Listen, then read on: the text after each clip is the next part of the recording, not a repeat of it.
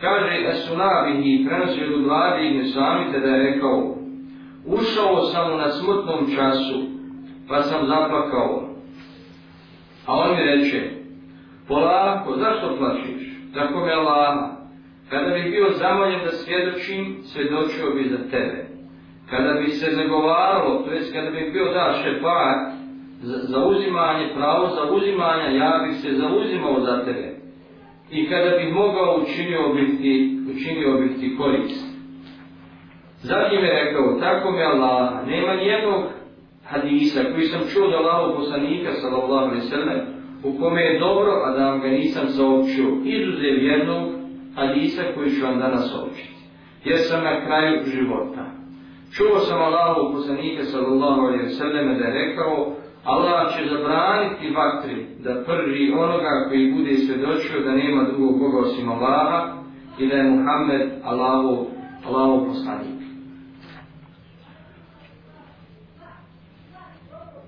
Ovaj hadis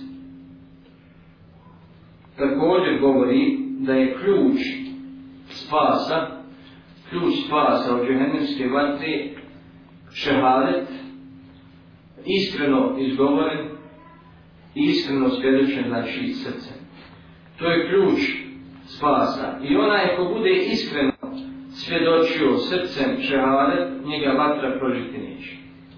A opet podlačim, naglašavam da iskreno svjedočenje neminim, neminovno povlači djela. Neminovno povlači djela. Tako da se ovaj hadis ne odnosi samo na onoga koji jednom izgovara šehadet, a srce mu prazno od, od iskrenosti, od ihlasa i zato nema dijela. Zato nema dijela. Znači oni koji samo na jeziku izgovaraju šaradet, a dijela nemaju, to upućuje na njihovu neistrenost.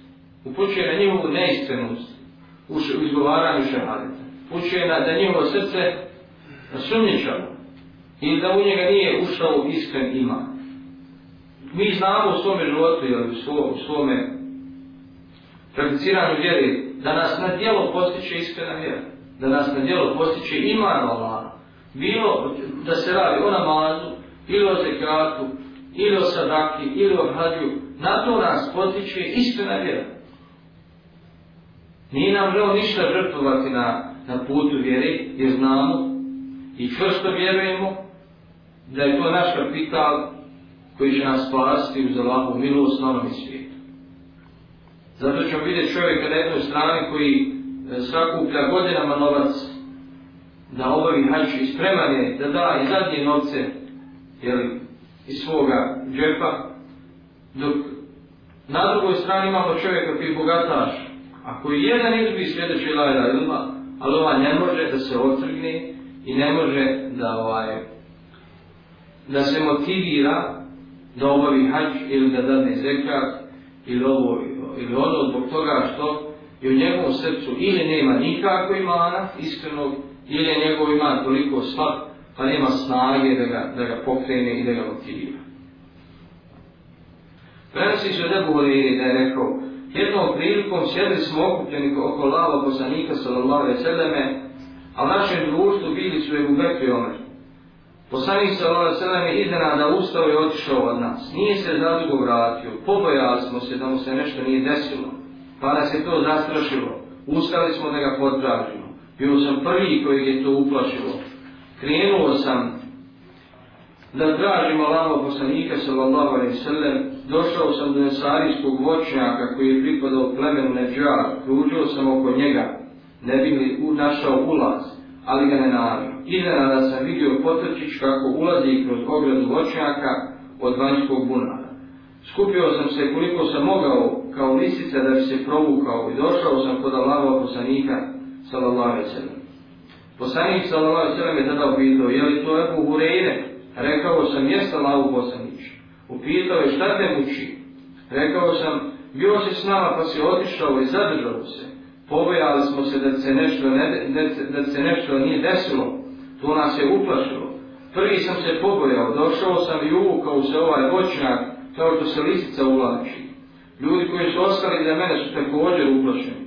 Poslanik sallallahu alejhi ve sellem je na to rekao: "Ebu Hurajre, i dao mi je svoje dvije papuče i rekao: "Idi sam ove moje dvije papuče.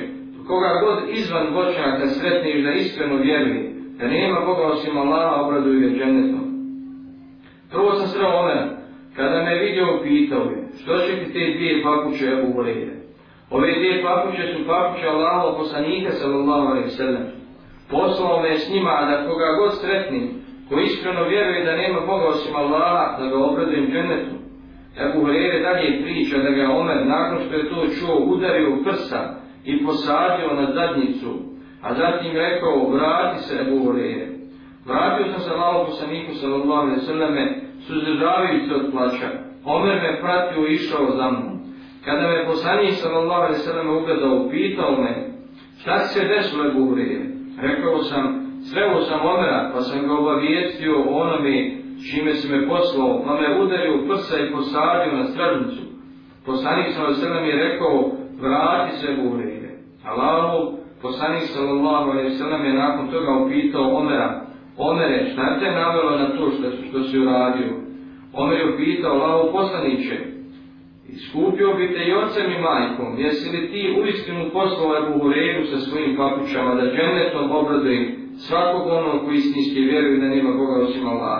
Da, rekao je, nemoj to raditi, rekao je Omer, jer ja se bojim da se ljudi neće osloniti samo na to, nego ih ostaje neka se trude i radi. Allah poslanih sallallahu alaihi sallam na to reče, ostavi To što vidimo je drugi hadis, a rezime hadisa je da je poslanik Kanisla Tosila poslao Ebu Horeju sa svojim papućama. Zašto je s papućama?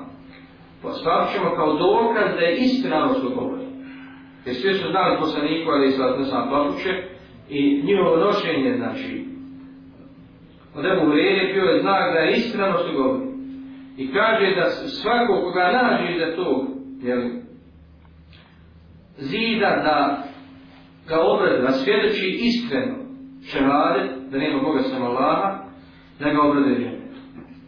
I je po vrijeme koga je prvo sreo, prvo momen, odmah na njega neće. I Omer ga je u svog, po svog običaja, jer odmah posadio, udelio ga je. Jer Omer sumnjao te poslanikove riječi. Jel sumnjao ono što je Buhreira rekao? Nije sumnjao Omer. Omer je bio poznat jel, po, po iskrenu skrajbu Bekr. I to mu je bilo poznato, kao što vidimo kasnije. Bilo mu je poznato to. Međutim, zašto ga udario?